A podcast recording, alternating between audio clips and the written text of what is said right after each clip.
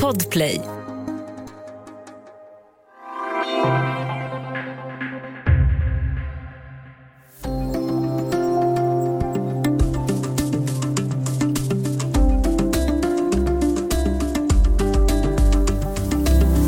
Nyfikna och oroliga över hela världen följde den kinesiska rymdraketen Långa Marschen 5Bs okontrollerade fall mot jorden. I söndags den 9 maj så landade den nära Maldiverna i Indiska oceanen och ingen människa kom till skada. Men vad blir konsekvensen av att allt fler aktörer vill bygga ut i rymden? Välkommen till Studio DN. Jag heter Ylke Holago.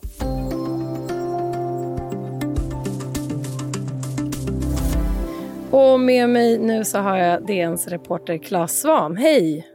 Hej, hej! Du har ju bevakat frågor som rör rymden och ufon ända sedan 70-talet och det är inte första gången som raketdelar och skrot faller ner på jorden som i den här händelsen. Vad hände egentligen om vi går tillbaka till exemplet Långa marschen 5B? Ja, om vi ska börja med den uppskjutningen så grundar den sig i att eh, Kina vill bygga en eh, ny rymdstation. Eh, man har byggt två tidigare och den här nya rymdstationen ska ju ha då taikonauter som de ryska astronauterna, förlåt, kinesiska astronauterna kallas. Så de här taikonauterna ska sedan finnas på rymdstationen under långa, långa tider.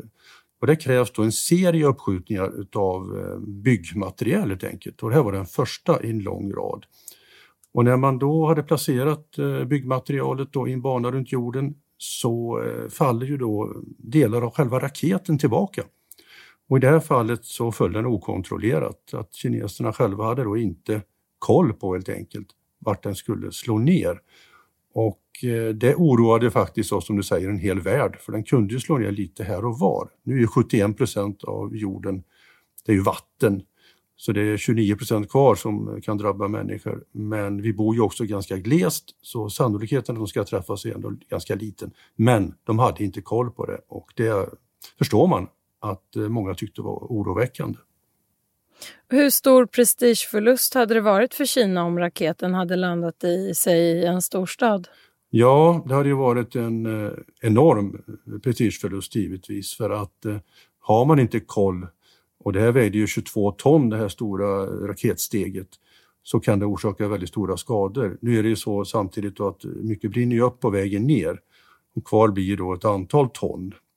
Och eh, våran planet eh, omgärdas utav miljoner objekt som är på väg att falla ner mot jorden och 23 000 utav dem är större än 10 centimeter och kan väga allt då från några hekto till många kilo till många ton. Och det är eh, 8000 ton sammanlagt som man räknar med som finns i banan runt jorden som kan falla ner på oss. Så det finns anledning att eh, ändå hålla koll på detta och kineserna borde nog faktiskt skärpa sin kontroll på sina uppskjutningar. Ja, Kina har ju kritiserats bland annat av NASA för att hantera sitt rymdskrot oansvarigt just när det gäller det här fallet. Har de NASA rätt i sin kritik?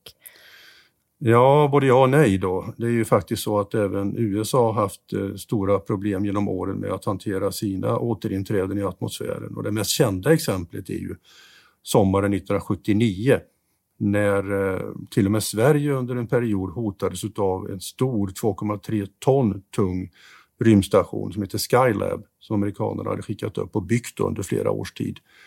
Den tappade man kontrollen på när den skulle återinträda i jordatmosfären. Och det gick så långt så att eh, flygbolaget SAS lät till och med omdirigera flygplan från vissa områden för att det inte skulle träffas. Och den skulle också fallit i havet var meningen. Men det gjorde den inte utan Skylab störtade då i eh, ökenområden i Australien och man hittade då sen åtskilliga ton i de här ökenområdena. Och även Ryssland har ju då ställt till med sådana här saker och eh, Kosmos 954 hittade en, en eh, satellit som var driven av kärnenergi dessutom. Och den tappar man kontrollen på Eh, och den störtade till slut i Kanada och spred då radioaktivt avfall över ett område i Kanada. Så man kan nog säga det att eh, det har de inte riktigt eh, koll på varken ryssar eller amerikaner. Och ska tilläggas, Ryssarna skjuter upp sina raketer från Kazakstan och kazakerna själva är måttligt roade utav detta för där faller det ner många ton med raketdelar i Kazakstan efter de här uppskjutningarna och ställer till rätt mycket problem för det är ju miljöfarligt gods och sånt i dem också. Så det faller ner ganska direkt efter att man har skjutit upp det då i fall där det misslyckas? Ja, även när det lyckas så faller de ner. Första steget faller ner. I, när USA skjuter upp till exempel då från Florida, då faller ju första steget ofta ner i eh, Atlanten. Men eh, ryssarna kan inte, de har inget hav i närheten så att de faller ner på land och då blir det Kazakstan som drabbas. Och hur ofta har objekt från rymden fallit ner i Sverige då? Ja, det hände ju då och då, framförallt på 1960 och 70-talet, att eh, man hittade så kallade rymdkulor i Jämtland, Härjedalen framförallt. allt. men eh, man fattade inte vad det var från början. Det var så runda, sfäriska, metalliska objekt gjorda av titan som folk hittade när de var ute och plockade blåbär i skogen. Och eh, de här kom då från ibland amerikanska raketer och ibland från ryska raketer som då inte hade koll på vart de här landade. Men du som har följt de här frågorna och så himla länge, får jag fråga en lite personlig sak? Äger du något av det här som har fallit ner själv? Jag har ju försökt få tag på de här rymdkulorna då, men det har visat sig ganska svårt. Eh, de har antingen försvunnit, kastats bort eller också har myndigheterna tagit hand om dem. Det jag har hemma i min hylla här som är bara några meter ifrån mig det är ju en 1,1 kilo tung järnklump som har störtat in från rymden. En, eh, en meteorit helt enkelt och den tycker jag är kul att ha. Var fick du tag på den någonstans? Eh, den köpte jag av en kamrat faktiskt som hade samlat på sådana här saker. Och det är ju ganska dyra historier. Det föll in i atmosfären den 7, 7 november förra året och störtade i Sverige. Och den ligger nu på Naturhistoriska riksmuseet och är föremål för en, eh, en tvist, vem som egentligen äger den. För det är väldigt sällsynt och ganska dyrbart att sådana här föremål faller ner på jorden. Om vi går tillbaka till Långa marschen 5B, den här kinesiska raketen som då föll ner i Indiska oceanen i helgen. Där handlar det om ett okontrollerat fall av fallande skrot. Hur är det meningen att raketdelar och annat egentligen ska hanteras kontrollerat? Ja, det finns då regler för hur man ska ta hand om sådana här saker egentligen. Eh, när en satellit eller en raketdel har tjänat ut, då ska man styra ner den i ett särskilt område helst som ligger mellan Antarktis, Chile och Nya Zeeland. Det är en enorm rymdkyrkogård som finns där. Och dit ska man då framförallt då eh, få ner de här stora eh, raketdelarna och satellitdelarna och sånt. Och det gör man. Man styr ner sina uttjänta satelliter där och så låter man dem störta och det ligger hundratals på botten just nu. Men hur påverkar det miljön då att skrotet samlas på det här sättet i havet? Alltså man har blivit bättre på det eh, Eh, raketbränsle och sånt har blivit mer miljövänligt genom åren men det är fortfarande så att det inte är jättenyttigt om det finns kvar sånt. Det finns det nästan inte i de här som har störtat. De har brunnit upp på vägen ner och då förstörs också mycket av bränslet. Så det är egentligen skrot som ligger där och eh, påverkar knappast havet i någon större utsträckning. Vi ska ta en kort paus och efter det så ska vi prata mer om varför nationer och företag satsar på bemannade rymdstationer just nu.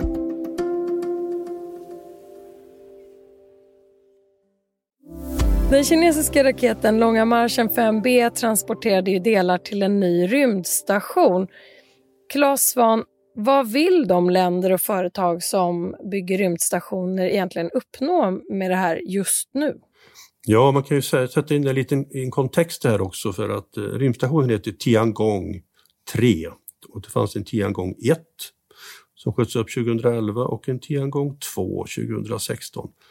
Och, eh, det, man försöker, och det betyder den himmelska, det himmelska palatset ska jag säga, det här Tiangong.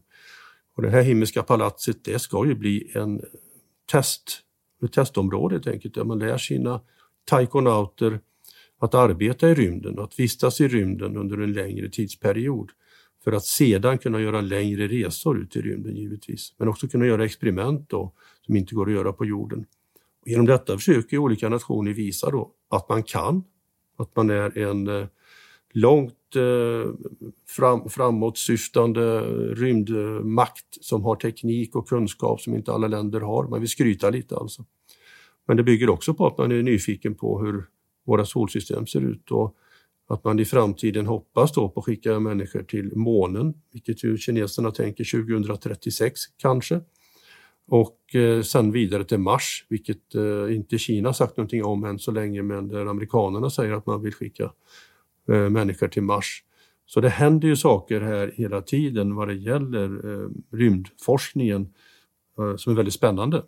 Men eh, om så många vill vara aktiva i rymden och kolonisera och bygga och skicka människor som ska leva och arbeta i rymden, vem reglerar allt det här? Alla de här aktiviteterna som olika stormakter och företag försöker bedriva? Det finns ju vissa lagar och regler som har stiftats genom FN och så som säger att rymden är till för alla. Ingen kan äga någonting, till exempel månen kan ingen äga, ingen kan äga en asteroid eller något annat. Samtidigt är det ju så att det finns ju många som tänker sig i alla fall på sikt att utvinna mineral och annat på en asteroid till exempel. Och eh, det kommer att bli bråk om detta. Med all säkerhet så kommer det att, bli tvister om vem som äger vad till slut. Även, om rymden är stor så är det trångt om saligheten när man väl ska börja utvinna sånt som ger pengar tillbaka. Jag vet inte om du kan ha åsikter om det här, men eh, vore det kanske en idé att fridlysa rymden? För att ja. slippa bråk och skrot? det är nog för sent det tror jag. Det, det, är så pass eh, skrotigt och nedskräpat och eh, så mycket planer så att det, det kommer inte att gå. Eh, jag tror inte att det är realistiskt heller faktiskt. Rymden är ju nästa stora utpost har man ju sagt länge. Och vi kommer till den punkten när människor kommer att bygga kolonier på Mars och stationer på månen. Eh, och då, vi är snart där faktiskt. Jag hoppas kunna uppleva detta inom kanske 10-15 år så, så kommer vi se de första exemplen på detta. Mm, du släpper ju i dagarna också boken Världsrymden anfaller som handlar om just skrot och meteoriter och solstormar med partiklar som kan falla ner från skyn. Vad fick dig att välja att fokusera på just den här frågan, skrotet? Ja, men jag nästan fanatiskt intresserad av saker som eh, händer som vi inte riktigt förstår oss på. Och när det kommer saker fallande från skyn som vi inte har koll på, då är det jättespännande. Och det finns så himla många exempel på detta. Och eh, det lockar mig helt enkelt, det här lilla okända elementet i det här. Det o, alltså att man kan inte förutsäga när de här eh, sakerna inträffar. Och det visar ju också debatten kring den kinesiska raketen här, att när man inte vet säkert, då blir folk intresserade. Och det lockar mig också. Mm. Nu har du skrivit din bok och vad är det du vill lära oss som har lite mindre koll på rymdfrågor? Vad är det vi behöver veta om just nedfallande objekt? Att rymden påverkar oss alla väldigt mycket faktiskt. Om man tittar på det med solstormar och då pratar vi om partiklar som faller på jorden egentligen. Så kan ju de slå ut både satelliter och eh, anläggningar på jorden. Det var ju en solstorm för några år sedan där till exempel garageportarna i eh, en liten by då i eh, Småland började öppna sig plötsligt samtidigt som elnätet slogs ut då i Kalifornien. Eh, så att det här, rymden är väldigt nära oss och när saker faller ner, jag menar, det, det, händer, det händer faktiskt att de här föremålen faller mitt i städer också. Och 1962 så föll till exempel en rysk satellit mitt i en stad i Wisconsin, mitt i en korsning. Va? Eh, så det här är ingenting som bara är eh, möjliga saker som skulle kunna hända. Och eh, ryska, förlåt, kinesiska satelliter har till och med störtat i hus vid ett tillfälle i, i Kina utan att någon har omkommit. Och, så det här är spännande och lite att ta hänsyn till och fundera över tycker jag för oss som vandrar omkring på jorden med näsan i mobiltelefonerna ganska mycket. Du vill att vi ska vara lite mer vaksamma och, och bli oroliga eller? Ja, man behöver inte vara orolig egentligen. Det finns ju ännu så länge väldigt, väldigt få exempel på att eh, någon har blivit nära att, träffas av ett sånt här föremål. Men vi ska vara mer nyfikna på rymden tycker jag, för rymden blir en allt större del av vår vardag. Och eh, i framtiden kommer det bli ännu mera så. Så att lära sig om vad det finns för hot också är, viktigt i sammanhanget. Och eh, i och med att elnät och sånt kan slås ut av en solstorm och vi har ingen möjlighet att skydda oss mot det egentligen, så är det en sak som alla myndigheter i, i, i, olika länder faktiskt går och funderar på just nu. Hur ska vi lösa den frågan om hela elsystemet slås ut och vi inte kan reparera detta på kanske månader efter en solstorm. Det kan hända faktiskt. Det pågår alltså flera försök till kolonisering av rymden där flera nationer och företag satsar stort. Vilka ligger bäst till i rymdracet just nu? Ja, man satsar på lite olika sätt. Då. I USA finns det ju flera aktörer och förutom NASA då, som är statligt har vi ju Amazon-grundaren Jeff Bezos Blue Origin som är ett rymdbolag. Och så har vi Richard Bransons Virgin Galactic och du har också Elon Musk då med SpaceX. Och där har ju SpaceX kommit längst eh, i USA och fått kontrakt då på att eh, vara med när USA ska skicka sina nästa astronauter till månen. Så USA ligger ju långt framme. Eh, Kina försöker nu ta igen detta försprång som amerikanerna har. Ryssarna har halkat efter rätt mycket under senare år. Man låg ju väldigt väl till på 60-talet när man kämpade med USA om att komma först till månen. Sen förlorade man den rymdkapplöpningen och det gjorde i sin tur också att man släpade efter sig ganska mycket vad det gäller bemannad rymdfart. Men man skjuter upp kosmonauter till rymdstationen ISS hela tiden och USA har ju förlitat sig på ryska raketuppskjutningar under många år för att komma upp till ISS också. Det är först nu som USA återigen ska börja skjuta upp och har börjat skjuta upp egna astronauter från amerikansk mark. Men slutligen, med ditt långa perspektiv på rymdfrågan, vad är det mest intressanta utvecklingen just nu? Ja, det är väl att det är ett nytt, eh, en ny rymdkapplöpning. Det jag upplevde på 60-talet då, kampen att komma först till månen. Den upplever vi igen nu då när det gäller att uh, komma ut till månen igen, komma till Mars, bygga rymdstationer. Det är en ny kapplöpning i rymden där då Kina har blivit en stor spelare och där länder som Japan och Indien också har eh, långtgående planer på att eh, skicka upp eh, astronauter och att ja, också kolonisera åtminstone rymden närmast jorden. annars är det ju det som händer på Mars just nu givetvis med de sonder som finns runt Mars, de eh, bilar, de här rovrarna som har skickats dit och den som just nu då rullar omkring på på Mars yta för att samla in information om det har funnits liv på Mars en gång i tiden. Och det är ju den stora frågan, det är den som lockar mig och säkert nästan alla. För har det funnits liv där ute? Är vi ensamma eller finns det andra som vi? Tack Claes Svan, reporter på Dagens Nyheter. Studio DN görs för Podplay av producent Sabina Marmulakai. Exekutiv producent Augustin Erba, ljudtekniker Patrik Miesenberger, teknik Oliver Bergman, Bauer Media och jag heter Ylke Holago.